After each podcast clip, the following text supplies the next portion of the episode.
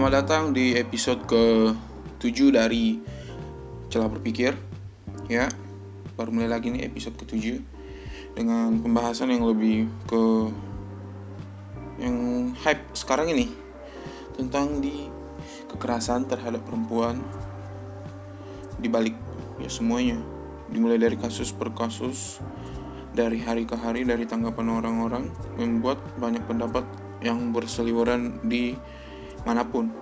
Tentang aksi reaksi dan juga tentang feminisme, post feminisme dan banyak sekali indikator-indikator dan variabel yang harus diterangkan untuk memahami persoalan ini secara kasuistik atau secara general.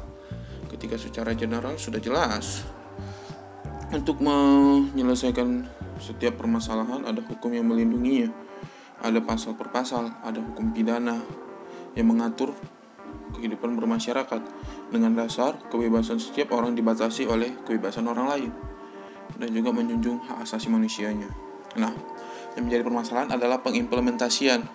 Pengimplementasian di dalam menangani kasus kekerasan seksual, apalagi yang terhadap perempuan, mungkin juga terhadap laki-laki, itu masih saja lemah, masih saja akan membuat permasalahan selanjutnya yang ketika ditimbang akan merugikan si pelapor, akan merugikan si korban karena akan mengalami at least dia akan mempertimbangkan masa depan dan juga persepsi secara sosial dari masyarakat. Nah, di sini celah berpikir tidak lengkap tanpa mengangkat salah satu jurnal yang berkaitan tentang masalah ini, yaitu saya mengangkat jurnal Teologi Kontekstual Indonesia yang terbit di tahun 2020 volume 1 di hari halaman 112 sampai 126 dengan judul kekerasan terhadap perempuan di balik industri hiburan. Nah, di sini ditulis oleh Feloni Prista Tamala dan Asnat Niwanata dari Fakultas Teologi Universitas Duta Wacana.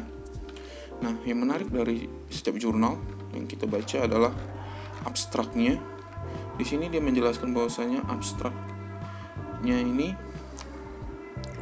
melakukan berisi tentang melakukan analisa kritis terhadap suatu budaya kekerasan terselubung, khususnya terhadap perempuan dalam industri media K-pop.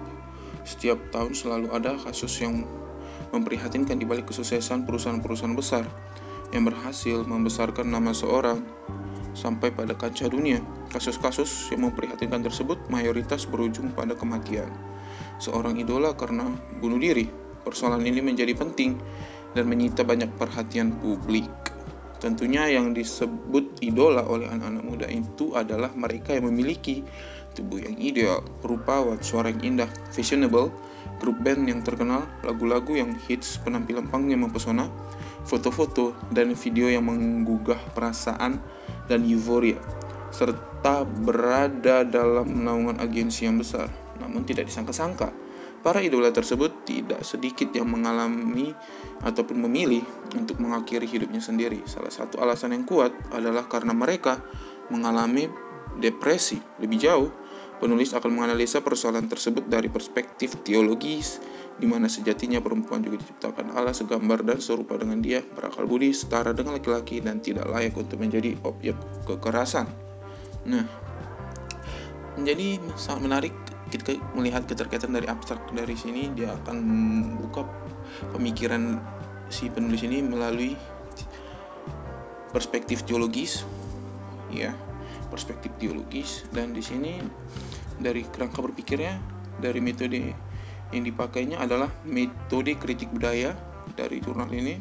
Penulis juga memaparkan beberapa fakta ada fakta juga yang dipaparkan oleh si penulis sehingga ada kasus yang diangkat di sini juga di jurnal ini tentang eating disorders gangguan pola makan. Itu merupakan efek-efek dari kekerasan yang dialami oleh wanita.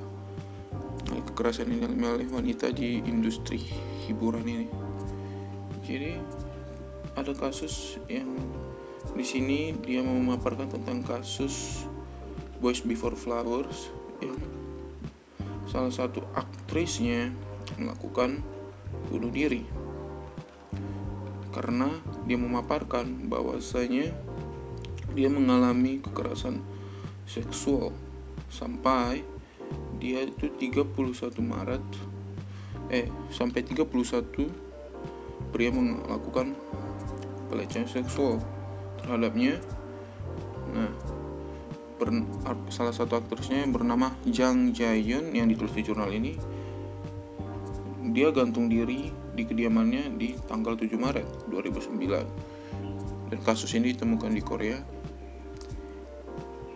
Dan sangat menarik untuk mencari penyebab-penyebabnya apakah dari kacamata saya sendiri ketika melihat ini adalah ketika seseorang mempunyai kekuasaan lebih dari orang lain apalagi di dalam industri hiburan dan secara genderitas itu melihat wanita hanya sebagai objek maka dia akan mempunyai kesempatan untuk melakukan hal-hal tersebut.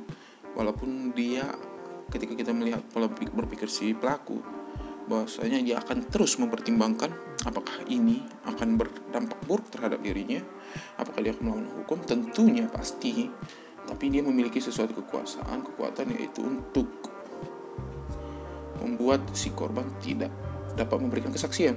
Karena dia posisinya lebih tinggi, terbukti dari pemaparan di jurnal ini yang melakukan itu ada seorang sutradara, manajer, petinggi perusahaan pers, produser film. Ya, semuanya itu adalah entitas ataupun relasi ataupun kolega kerja yang sangat penting untuk si aktris. Dan kenyataannya memang seperti itu. Tidak ada yang namanya perlindungan. Ya bisa saja dia melaporkan, tetapi dia mempertimbangkan juga sebagai si korban, mempertimbangkan efek-efek kelanjutan ke depannya efek-efek kelanjutan ke depannya dia akan menurut saya dia akan pasti memikirkan efek sosial dari perspektif masyarakat karena dia adalah seorang aktris yang bermain di drama yang cukup besar yaitu Boss Before Flowers. Ketika kita berbicara tentang drama besar yang banyak penggemarnya akan menimbulkan social eh, social judgment adalah penilaian masyarakat secara sosialnya karena dia sudah drama ini sudah kancah dunia maka akan ada penilaian apalagi sudah tersebar di berbagai penjuru dunia. Ketika ada kasus secara kasuistik belum lagi penanganan proses pidana hukumnya yang di Korea cukup memakan waktu pastinya cukup memakan waktu dan juga ke depannya dia akan berhubungan buruk dengan setiap agensi setiap kolega kerjanya. Yang notabene adalah atasannya semua yang akan memegang peranan kunci untuk membuat bawa pekerjaan kepada sang aktris. Nah, di sini si perempuan tidak memiliki kekuasaan. Dia memiliki tapi tidak memakainya karena terhimpit oleh keadaan dan dia memilih salah satu jalan yang menurut dia adalah untuk mengakhiri semuanya ya dengan cara suicide, bunuh diri. Padahal bunuh diri tidak secara harf, secara faktual tidak dapat juga memberikan efek cerah terhadap si pelaku dengan secara aslinya. Nah, oleh sebab itu, kita harus melihat lagi dari kacamata hasil dari tinjauan teologis dari jurnal ini. Dia mengangkat dari Alkitab, yaitu Tamar dalam 2 Samuel 13 ayat 1 sampai 39 menjadi korban kekerasan seksual oleh saudara laki-lakinya sendiri yang bernama Anon. Kekerasan menimpa Tamar sebelumnya telah direncanakan sedemikian rupa untuk saudara memuaskan hasrat seksual laki-laki. Nah, di sini dia sudah. Nah, di sini si tinjauan teologis mengangkat kasus dari si Samuel. Yang sudah tertulis di kitab Samuel dan di sini juga dia mengangkat untuk pembelaan ataupun untuk landasan si perempuan juga memiliki hak untuk tidak mengalami kekerasan seksual adalah dalam kejadian 1 ayat 27 maka Allah menciptakan manusia itu menurut gambarnya menurut gambar Allah ciptakannya dia. Jadi semuanya serata dan semua mendapatkan hal yang sederajat antara kedua belah pihak. Ketika keduanya setara ya udah. Semuanya dapat semuanya sama di depan hukum semuanya sama semuanya juga berhak untuk mendapatkan hak-hak yang seharusnya didapatkan. Dan tidak layak untuk mendapatkan karena perbedaan gender. Nah ya ini ketika kita kaitkan dalam secara kasus yang viral belakangan ini ya jelas. Ketika seseorang apalagi laki-laki memiliki kekuatan yang lebih dan dia mengalami yang namanya kesempatan dalam kesempitan ya pasti akan terjadi kejadiannya. Dan dari kesimpulan juga dari jurnal ini tindakan kekerasan ketidakadilan dan pelecehan seksual ternyata sudah menjadi budaya dan sisi gelap dari industri hiburan seolah-olah sudah menjadi hal yang biasa bagi hal tersebut terjadi. Nah apakah ada pembiaran? Bukan pembiaran. Saya tidak setuju sebenarnya sebenarnya dengan pembiaran kata-kata pembiaran. Ini tidak ada pembiaran tapi adanya keterpaksaan adanya situasi kondisi dan juga adanya pemikiran tentang efek-efek yang akan dihadapi ke depannya dan ketika secara psikologi dicek maka ya pastinya setiap orang yang mengalami pelecehan itu akan mengalami perubahan pemikiran akan mengalami depresi, berubah secara emosional lebih buruk. Dan harus ada penanganan oleh psikolog.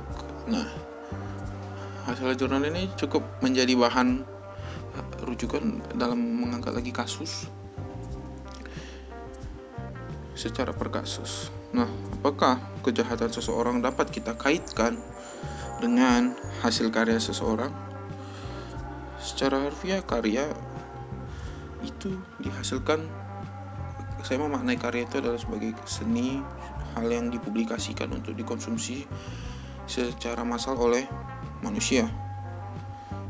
Ya bisa dinilai karya ya ketika itu ya sudah seperti itu. Mau apa pun ya terserah.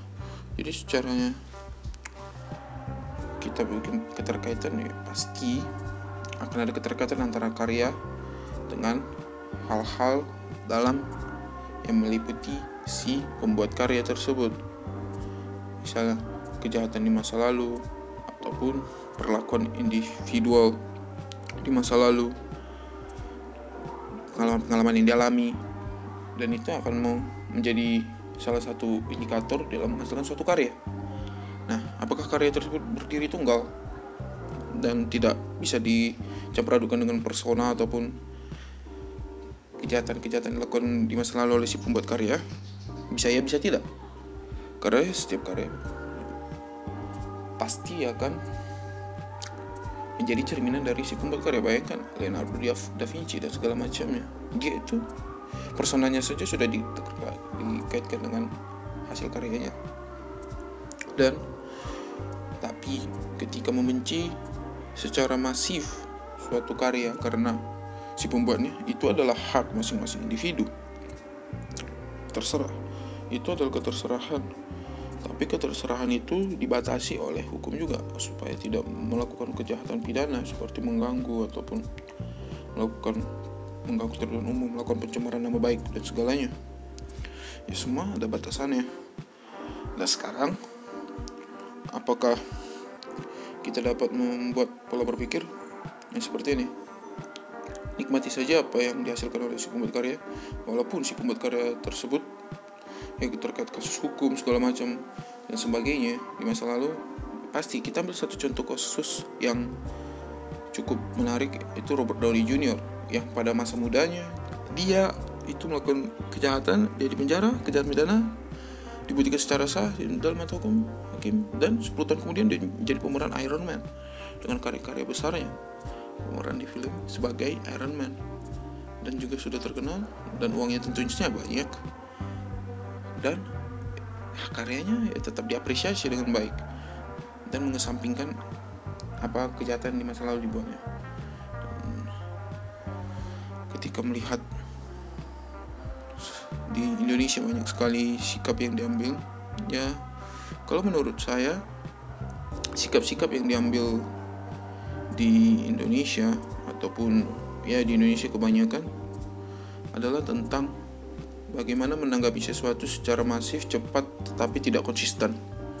Dalam artian hanya booming satu minggu, dua minggu ketika didiamkan, misalnya didiamkan selama setahun, maka tidak akan ada lagi variabel-variabel yang mempengaruhi seseorang untuk menyampaikan pendapatnya tentang hal tersebut. Misalnya yang diambil contoh kasus adalah tentang menghina seseorang yang melakukan kejahatan pelecehan seksual misalnya dia dilakukan terus secara simultan terus-terus apakah dia konsisten di dalam melakukan tersebut? Bisa saja konsisten.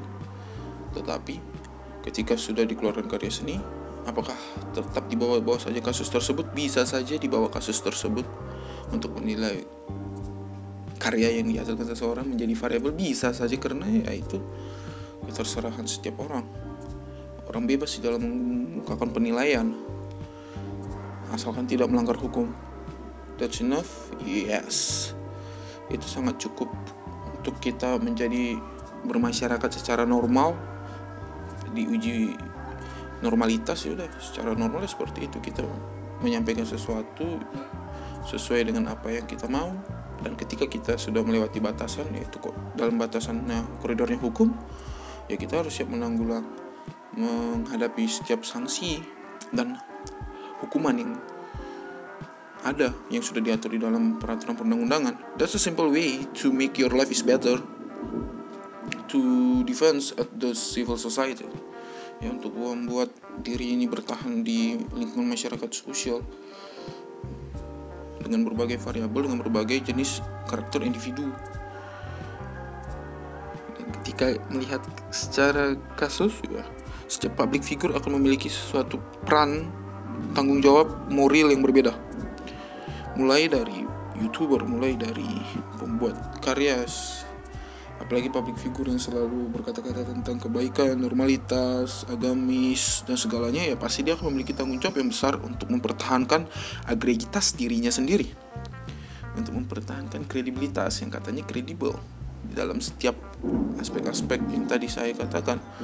Ketika kita sudah terlalu menormalitas kebaikan dan sudah menormalitas tentang keberagaman dan kita mengungkapkan di sosial media untuk mengajak orang secara komunal bersama-sama memahami pemikiran kita dan mengikuti gerakan yang kita ingin sampaikan.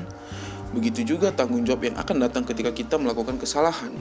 Ketika kesalahan dilakukan secara melanggar hukum pidana melanggar hukum. Ya kesalahan kita melakukan melanggar hukum. Ya kita tanggung jawab kita akan lebih besar. Karena kita di awal sudah membawa premis. Karena sudah di awal lah sudah di awal para pembuat karya ataupun selebritas ataupun konten kreator itu mengajak seseorang ataupun mengajak orang-orang secara komunal untuk mengikuti pergerakannya yang baik tersebut maka dia juga mempunyai tanggung jawab untuk mempertahankan dirinya sendiri.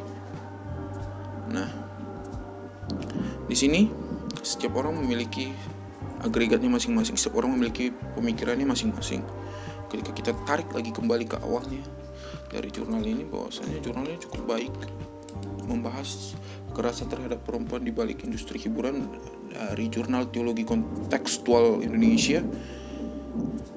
Dan ini membahas dari kasuistik dan juga dia membahas cukup. Dan dari jurnal ini juga dapat menjadikan bahan rujukan ya, bahwasanya setiap orang memiliki kebebasan masing-masing kebebasan untuk tidak mendapatkan kekerasannya ya ketika itu terjadi ada hukum di situ tapi apakah setiap orang bisa membawa permasalahan tersebut penyelesaian dalam jalur hukum masih menjadi tanda tanya. Karena setiap orang juga akan mempertimbangkan apa efek-efek ke depan secara sosiologi, secara psikologi, secara social judgment. Banyak sekali variabel yang dipertimbangkan dan pada akhirnya akan menetapkan penyelesaian masalah secara hukum adalah pilihan terakhir. Dan itu merupakan pemikiran yang cukup salah, cukup tidak bijak menurut saya karena itu akan terus saja mengulur-ngulur waktu. Dan yang lebih baik penyelesaian masalah kekerasan seksual dan lain-lainnya itu dilakukan pada awalnya dengan pemikiran ya udah. Pemikiran tenangkan diri udah bawa penyelesaian dalam hukum. Tapi ya setiap orang berbeda. Dan saya juga di dalam memaknainya pasti ada pertimbangan-pertimbangan lainnya dan oke kira-kira itu saja yang dapat buat celah berpikir di episode ketujuh kali ini ya. Tujuh. Datang setelah sekian lama purnama kembali dengan pemikiran-pemikiran seperti ini. Jangan lupa saksikan di episode selanjutnya di celah berpikir ya dengan pembahasan yang lebih menarik lagi yang tentunya pasti dengan berbasis jurnal Tchau!